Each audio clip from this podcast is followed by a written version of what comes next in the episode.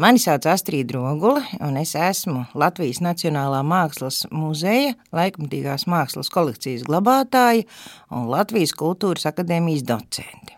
Mans jautājums, vai jūs zināt, kurš ir Rīgā vislielākais grāmatu lasītājs?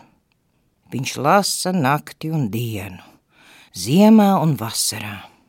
Kopš 1903. gada kad viņu uzsēdināja uz Vilhelma Bokslava celtās lielās ģildes kantoru un dzīvokļu nama amatu ielā.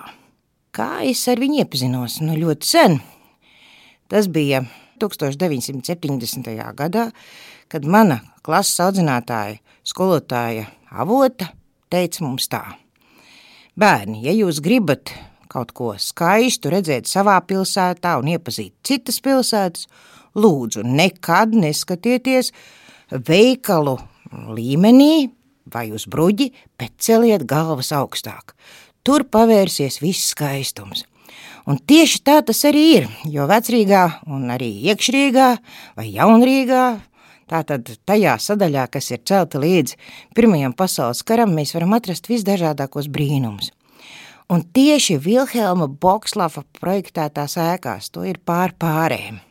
Nu, kas tad ir Vilhelms Bokslavs? Protams, nu, speciālistu aprindās viņš jau sen ir ļoti atzīts un izcelts kā viens no Rīgas vadošajiem zelta laikamenta arhitektiem. Viņš ir mākslas zinātnieks un pētnieks, viņš ir mūsdienu restaurācijas aizsācējs, jo tieši viņa vadībā ir atjaunot gan Lielstraupes pils, gan veikti restaurācijas darbi gan Pētera baznīcā, un arī Doma baznīcā. Bet kā tad atšķirt viņa daudzās, daudzās celtnes no citām? Protams, tā ir brīnišķīga saita ar pilsētu, ar dabu. Viņš ir veidojis gan rūpnīcas, gan baznīcas, to starp taču brīnišķīgās dubultu un krusta baznīcas, kas ir tautiskā romantisma spožākie piemēri. Bet viņi var pazīt arī pēc detaļām, un to ir traki daudz. Gan lācīši ar vairogiem, gan puķīši, kas ir ļoti, ļoti mīlīgi un jauki Antonijas ielas namos, gan, protams, arī daudzās maskas, lejojošie kaķīši pa jumtiem, kā tas ir kaļķielas stūrī.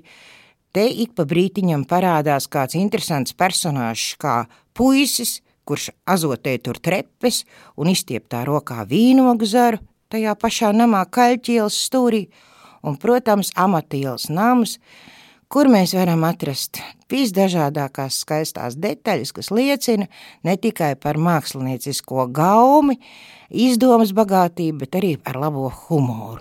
Un humoru viņam pietika, jo tikai cilvēks ar labu humoru varēja izprojektēt arī kapliču sev, kur, diemžēl, viņš netika guldināts, jo aizgāja viņa saulē otrā pasaules kara beigās. Bet daudzie skaistie nami un milzīgā fantāzija, ko viņš ir atstājis namu dekoros, priecē mūs visus vēl joprojām, un es tā domāju, vēl ilgi.